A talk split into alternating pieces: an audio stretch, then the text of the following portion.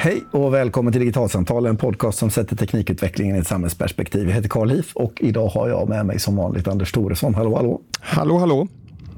Du eh, och jag, oberoende av varandra, grävde fram en eh, bloggpost som vi blev lite kära i av en eh, teknolog, entreprenör, författare med mera som heter Anil Dash som skrev ett inlägg som, eh, som har kommit att bli eh, liksom väldigt spritt. Eh, 12 things everyone should understand about tech.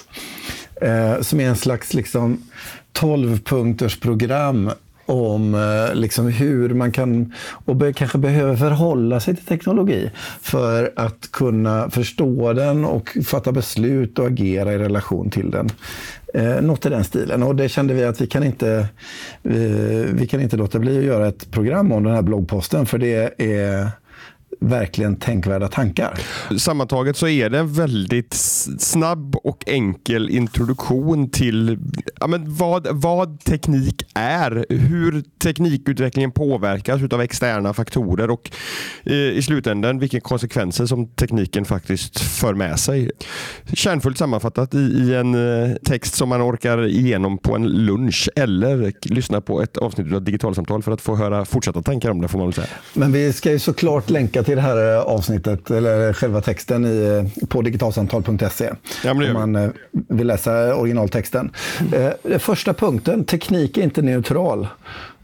Vad, vad menar han med det, Anders? Ja, att, att all teknik designas eh, utifrån ett syfte och en, eh, ett, ett förhållningssätt, en utgångspunkt hos den som, som designar den tekniska tillämpningen eller den som forskar fram den tekniska grundläggande teknologin som, som, som används. Att, att det, det finns inte en, en inneboende teknikutvecklingsriktning, ingen, ingen kraft som, som gör det till en naturlag lag eller, eller någonting sånt där. Utan det finns eh, mänskliga val bakom precis allting som handlar både om vilken teknik det är som utvecklas men också hur den tillämpas.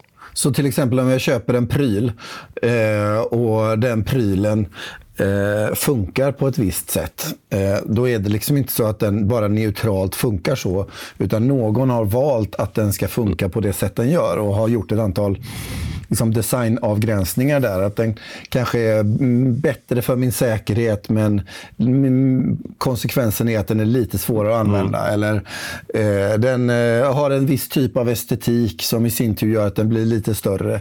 Eh, och så vidare. Att liksom alla, både digitala och liksom mjuk och hårdvara, har en, en design som någon har liksom haft idéer och tankar om och därför så är tekniken inte neutral utan den har ett ingående värde. Ja, och, att det värdet tar sig ju helt och hållet sin utgångspunkt i vem det är som utvecklar tekniken och vilka drivkrafter som, som ligger bakom. Där en, en person som bygger ett, ett öppen källkodsverktyg har, har en typ av drivkrafter medan ett stort internationellt företag som ska tjäna pengar har, har andra drivkrafter.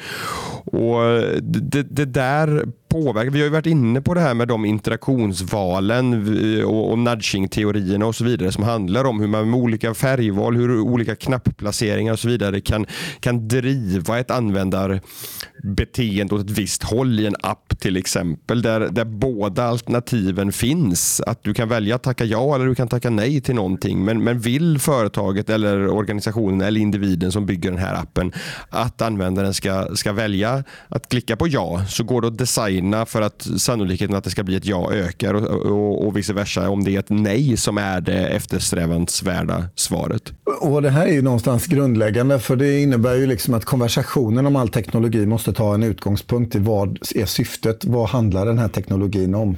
Vem är det som vill någonting med den? Eh, och så vidare.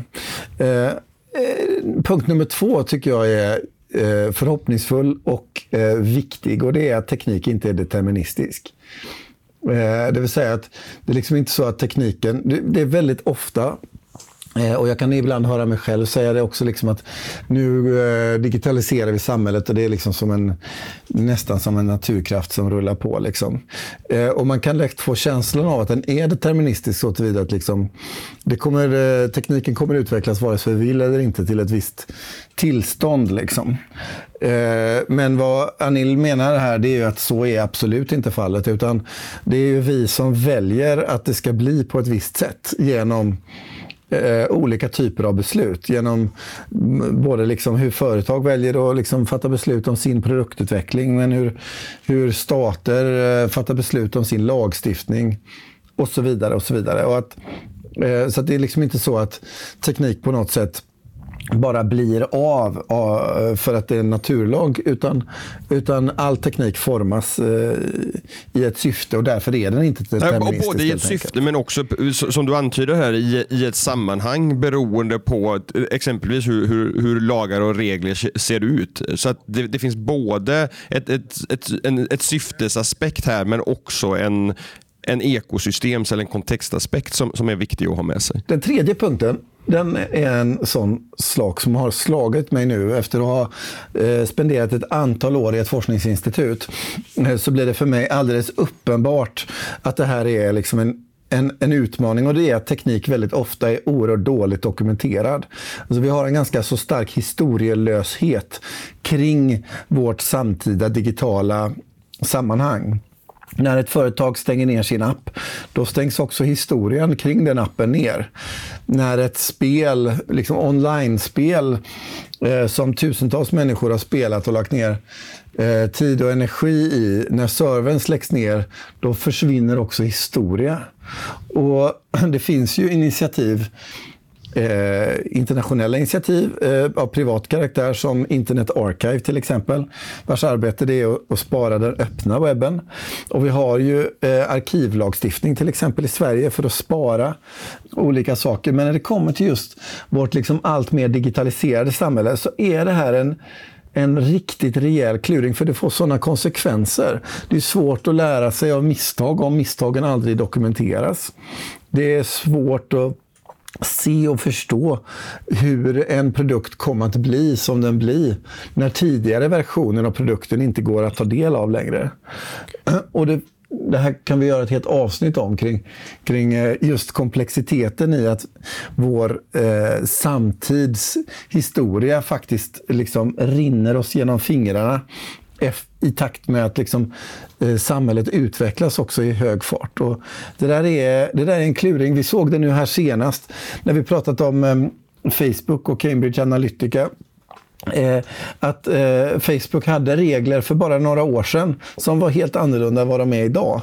Och så här gör ju alla appar och tjänster, att man utvecklar och förändrar och förädlar.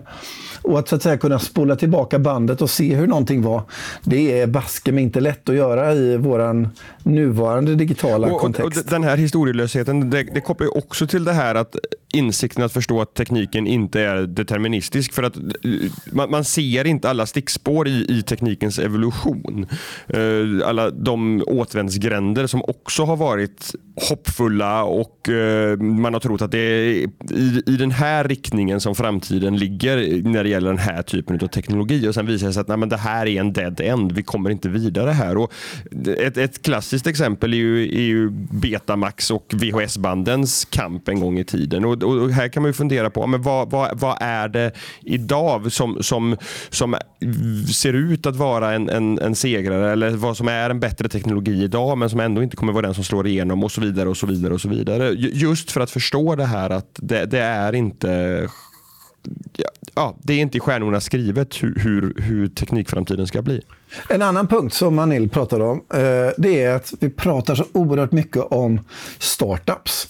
Eh, och eh, små snabba företag som har coola idéer. Och det är där liksom våran liksom, eh, retorik kring liksom, eh, teknikbranschen finns. Men han konstatera att det här är ju liksom en väldigt liten del av, av teknikbranschen. Ja, och jag, jag, tycker att det här är intressant ur, ur två olika aspekter. Eh, dels kan jag förstå fascinationen för, för de här startupbolagen. Därför att jag, jag gör många intervjuer och det här kopplat till en annan utav, utav punkterna också, nämligen att de flesta som utvecklar teknik, säger Anil, och som då har en, en, en långvägare i och har pratat med väldigt många eh, tekniker under åren.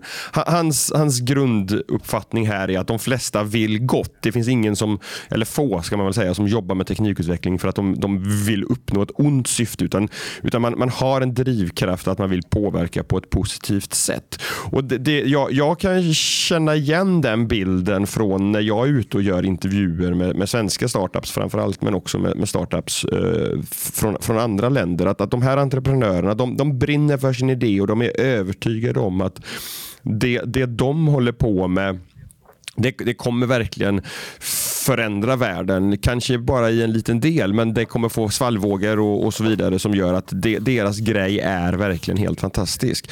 Och Det, det här drivet eh, tror jag är kittlande att, att, att skildra och sen har vi hela, eh, det finns ett, ett skimmer runt det och det, det, är mycket pengar som kommer in i startupvärlden från riskkapitalbolag och sådär. Så, där, där finns en, en, en jag, jag, tror att det kan finnas en naturlig förklaring någonstans för att journalister eh, flockas dit. Det finns, det finns liksom stora värden eh, ekonomiska som, som gör det här intressant att skildra. Men, men jag är också ganska ofta i kontakt med, med forskare på svenska universitet och högskolor i, i min roll som journalist. Och det, det, det, är ju samma driv finns där och samma, samma fascination och, och, och tro på den tekniken och den, den forskningen som man bedriver. Och, och här kan man ju många gånger hitta, hitta helt fantastiska eh, saker som kommer göra ett jätte, jättestort avtryck för oss alla, men kanske inte i form utav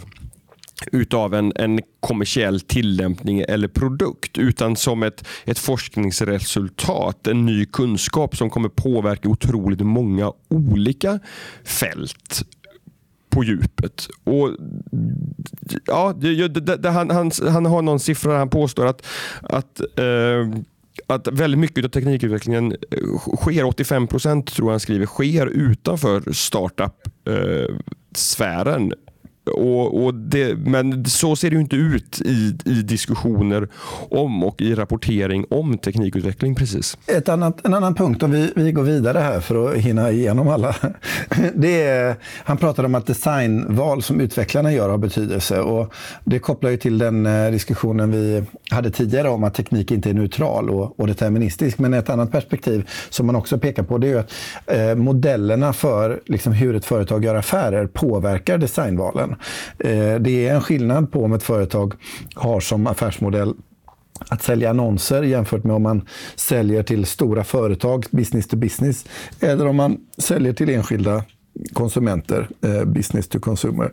Och han pekar på att liksom det här är de tre primära affärsmodellerna för alla att tjäna pengar på nätet. Och de här vägvalet om man säljer till konsument, säljer till företag eller, eller i en annonsorienterad eh, eh, företagsmodell, det påverkar verkligen hur tjänsten eh, kommer att se ut. Och det ser vi ju till exempel om man jämför affärsmodellen för för eh, Apple till exempel, vars primära eh, försäljning är att sälja till slutkonsumenter. Även om de också säljer till företag så, så är ju konsumentmarknaden deras stora marknad. Eh, och och eh, det gör ju att deras förhållningssätt till data till exempel och hur man hanterar data och, och pratar och tänker om användarens data är ju helt väsensskild. Den när man pratar om Facebook till exempel, vars eh, affärsmodell är att sälja annonser. Eller Google för den delen, som ju också primärt säljer annonser. Och här, eh, här tänker jag att det finns liksom någonting ganska så eh, enkelt och insiktsfullt i att faktiskt bara ställa sig den frågan. Liksom hur, om jag använder en tjänst, så, så liksom vilken affärsmodell den tjänsten har, det berättar ganska mycket för mig om hur de eh, förhåller sig till mig som, som eh, användare eller kund. Ja, egenintresset ljuger aldrig. Nej, någonstans eh, landar man mm. väl i det. Sen så eh, kan jag väl för egen del tycka att liksom, det han missar i den här uppdelningen det är ju de som jobbar med öppen mjukvara som inte primärt har en affärsmodell. Eh, det finns ju exempel på det. Även om det är en, en, mindre andel så kan det ändå få ganska stora konsekvenser. Och det finns ju exempel på öppen mjukvaru projekt som verkligen har förändrat hela internet. Och där mm, liksom det faktiskt i grunden inte handlade om en affärsmodell överhuvudtaget. Utan eh, helt andra bakomliggande principer för varför man har valt att bygga en viss teknologi. Sen konstaterar han också att många av de teknikbeslut som görs är avvägningar på andra sätt. Att, att man många gånger kanske till exempel behöver välja mellan att, att en, någonting ska vara en, en säker lösning eller en användarvänlig lösning. Att, att ska vi kräva ett lösenord eller ska vi inte kräva ett lösenord? Ska vi kräva ett starkt lösenord eller ska och så vidare och så vidare. Och att, att det här är avvägningar som, som också då görs utifrån Eh, ja, många olika aspekter, men, men inte minst de affärsmässiga många, många, många gånger. Men inte bara. Ja, här ska man också säga att, nej precis, för det finns ju andra aspekter. Om man pratar om offentlig sektor till exempel, så är det ju inte sällan att eh, våra digitala verktyg styrs av eh, juridik. Alltså, nu ändrar vi ju på en mängd eh, IT-system för att anpassa dem till GDPR. Det innebär ju i praktiken att eh, IT-systemens programkod blir annorlunda för att det finns en lag lagstiftning som skapar begränsningar eh, och möjligheter av olika slag. Eh, så lagstiftning är ett annat sånt exempel där tekniken eh, helt enkelt behöver, liksom man behöver faktiskt programmera och bygga tjänster i förhållande till. Och, och ytterligare en sån här aspekt. Eh, det kan till exempel handla om eh, saker som har med upphandling att göra eller eh, olika typer av användargrupper. Att eh, ett val man gör för en användargrupp påverkar en annan och så vidare. Så Absolut, det finns avvägningar hela vägen igenom. Han, han konstaterar också att även om, om hans uppfattning är att de flesta vill gott så konstaterar han ju att att teknik kan, trots att den utvecklas i, i goda syften, trots att den har en primär positiv tillämpning, så förtar ju inte det möjligheten att det finns negativa konsekvenser och det förtar heller inte ansvaret för de negativa konsekvenserna från den som har utvecklat tekniken? hur tekniken designas, det blir liksom ett slags komplext samspel på något sätt. Och Det är viktigt att ha med sig att det liksom finns alla de här eh, olika parametrarna helt ja, och, det, och Där kommer jag in på en annan aspekt som, eller det, det, kopplar ju till ett avsnitt som vi bland annat hade med eh, Molly Stinson som vi spelade in på internetdagarna i höstas som handlar om behovet utav, utav etikutbildning i, i samband med de tekniska disciplinerna. Eh, att, att det räcker inte idag att få lära sig att utveckla teknik om man inte också funderar på hur kan min teknik användas? Vilka, eh, vilka konsekvenser får de här designvalen, den här valet att använda kryptering eller inte och så vidare på de som faktiskt använder tekniken. Och det, det här är en argumentationslinje som jag tycker mig se allt oftare på allt fler ställen. Det finns en känd interaktionsdesigner som heter Mike Monteiro som, som eh, nyligen läste en intervju med honom där, där han menar på att man kanske skulle behöva ha ett, ett licensförfarande för de som jobbar med, med interaktionsdesign. Därför att interaktionsdesignen, hur en app ser ut, hur en fysisk produkt fungerar påverkar så, i så otroligt stor utsträckning hur användarna använder den. Så har du inte den förståelsen så är du heller egentligen inte kompetent nog för att få bygga de här gränssnitten, menar han. Eh, och, och, Anil Dash är inne på liknande resonemang. Han, han jämför med, med utbildningar som i, som i medicin till exempel som också uh, har, har direkta konsekvenser för enskilda individers liv. Att, att det, det, finns en, en, en etikdel i den utbildningen som också borde flytta över in i tekniken. Jag är helt med dig på den, eh, på den linjen. att Någonstans så är det ju så att våra teknikutbildningar har eh, vuxit fram utifrån eh, våra ingenjörsutbildningar, våra tekniska högskolor. Den världens studier historiskt sett har varit ganska frikopplade. Den liksom mera humanistiska och samhällsorienterade eh, traditionen. Eh, och här hamnar man ju i en situation där teknik och samhälle verkligen möter varandra och där det verkligen är befogat med eh, att liksom samhället generellt sett och att eh, företagen eh, jobbar med ett liksom mer etiskt förhållningssätt. För någonstans kan man konstatera att liksom, gör man inte det, då kommer det komma tillbaka till en i ett senare skede. Under alla omständigheter. Och vi kommer få tjänster vars liksom, effekt och utförande kanske inte är det som vi ur ett samhällsperspektiv egentligen vill ha. Eh, men han har ett annat perspektiv i det här blogginlägget som, som också stämmer till eftertanke och, och är viktigt. Och det är ju att han, han, han skriver verkligen uttryckligt liksom att alla utvecklare vill väl. Alltså när du sitter och utvecklar en tjänst så vill den absoluta majoriteten göra någonting riktigt bra och något riktigt gott.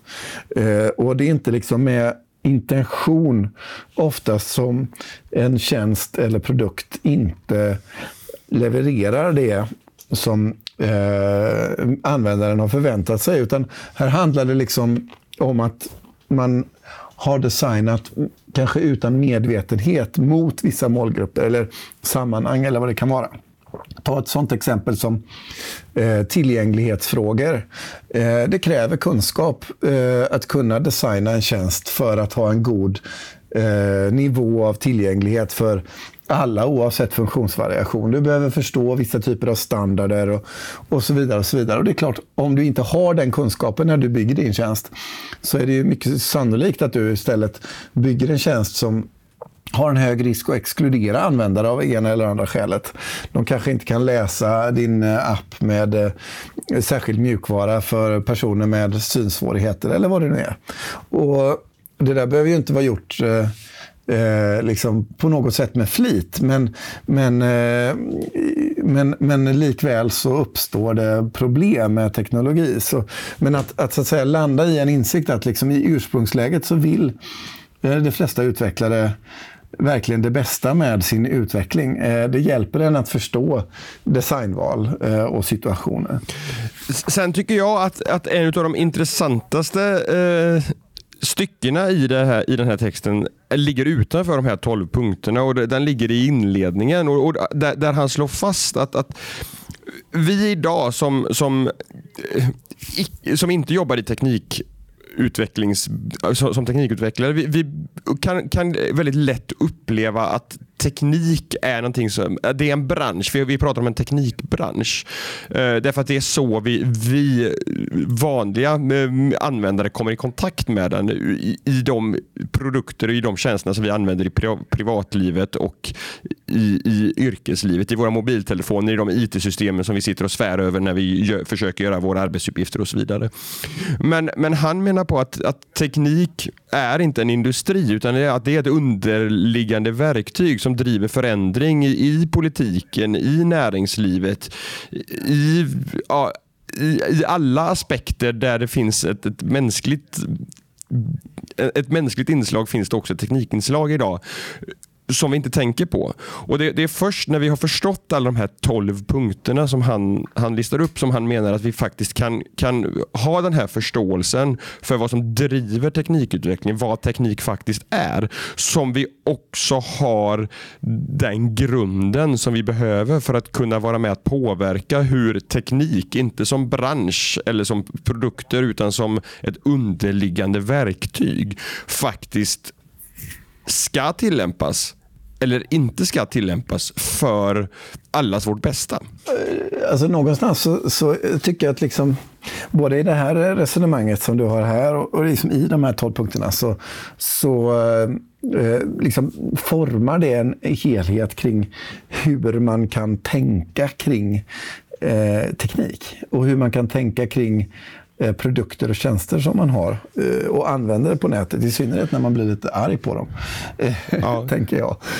För, för någonstans när man ska liksom, om man ska ägna sig åt att kritiskt granska en produkt eller tjänst eller om man vill ha ett större resonemang kring en, liksom hur teknik förändrar samhället, då gör de här tolv punkterna, alltså genom att exempelvis omformulera dem mera till frågor som man kan ställa om en pågående process eller teknologi eller så, så hjälper det en att i hög grad förstå vad den här eh, processen egentligen handlar om. Jag kan bara tänka att liksom, eh, ta ett sådant exempel som vi, vi lyfte eh, för en tid sedan kring eh, Facebook och och, eh, deras, och när Mark Zuckerberg var i, i kongressen. Hade kongressledamöterna eh, i senaten och representanthuset och framförallt senaten, eh, där deras kompetensnivåer var plågsamt låga. Hade de läst Anil Dash och hade de liksom utifrån det reflekterat kring frågor och tittat på nätet och funderat och klurat så hade deras eh, interaktion med Facebook och samtalet och konversationen där nått en sån oerhört mycket högre höjd på en gång tror jag. För att det här är perspektiv och frågor som han lyfter i det här blogginlägget som verkligen eh, är värdefulla eh, att ta i beaktande när man liksom försöker att förstå på vilket sätt teknologi Eh, interagerar både med oss och med företag och med samhället. Jag, jag får också en, en, ett parallellt tankespår här som, som kopplar till eh, ett, ett resonemang som Cory Doctorow, eh, en annan nätdebattör, har använt sig utav. Han, jag har för mig att det var i, i, har varit i diskussionerna kring, kring nätneutralitet. Där, där han, han menar på att, att det inte är en av de viktigaste eh, striderna som mänskligheten står inför just nu.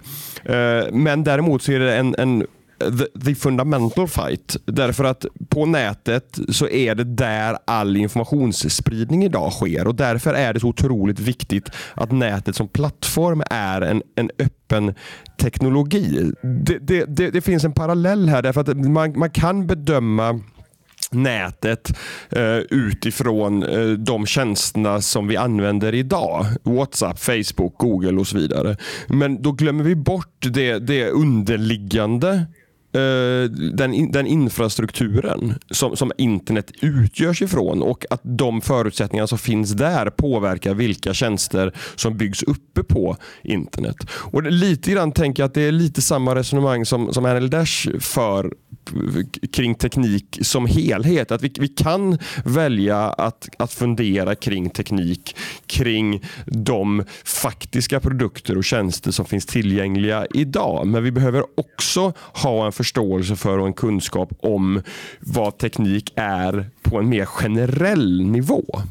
Nej, men verkligen. Och någonstans så blir ju det här, tänker jag, alltså de här, eh, jag, jag, tycker att han fångar in en stor del av eh, liksom grundläggande perspektiv att ha när det kommer till att, att förstå vår samtida teknologi. Och, och, så, nej, men jag kan verkligen rekommendera alla att läsa inlägget och, eh, när ni har kommit så här långt, för det, det är verkligen eh, väl avvägt och stämmer till eftertanke.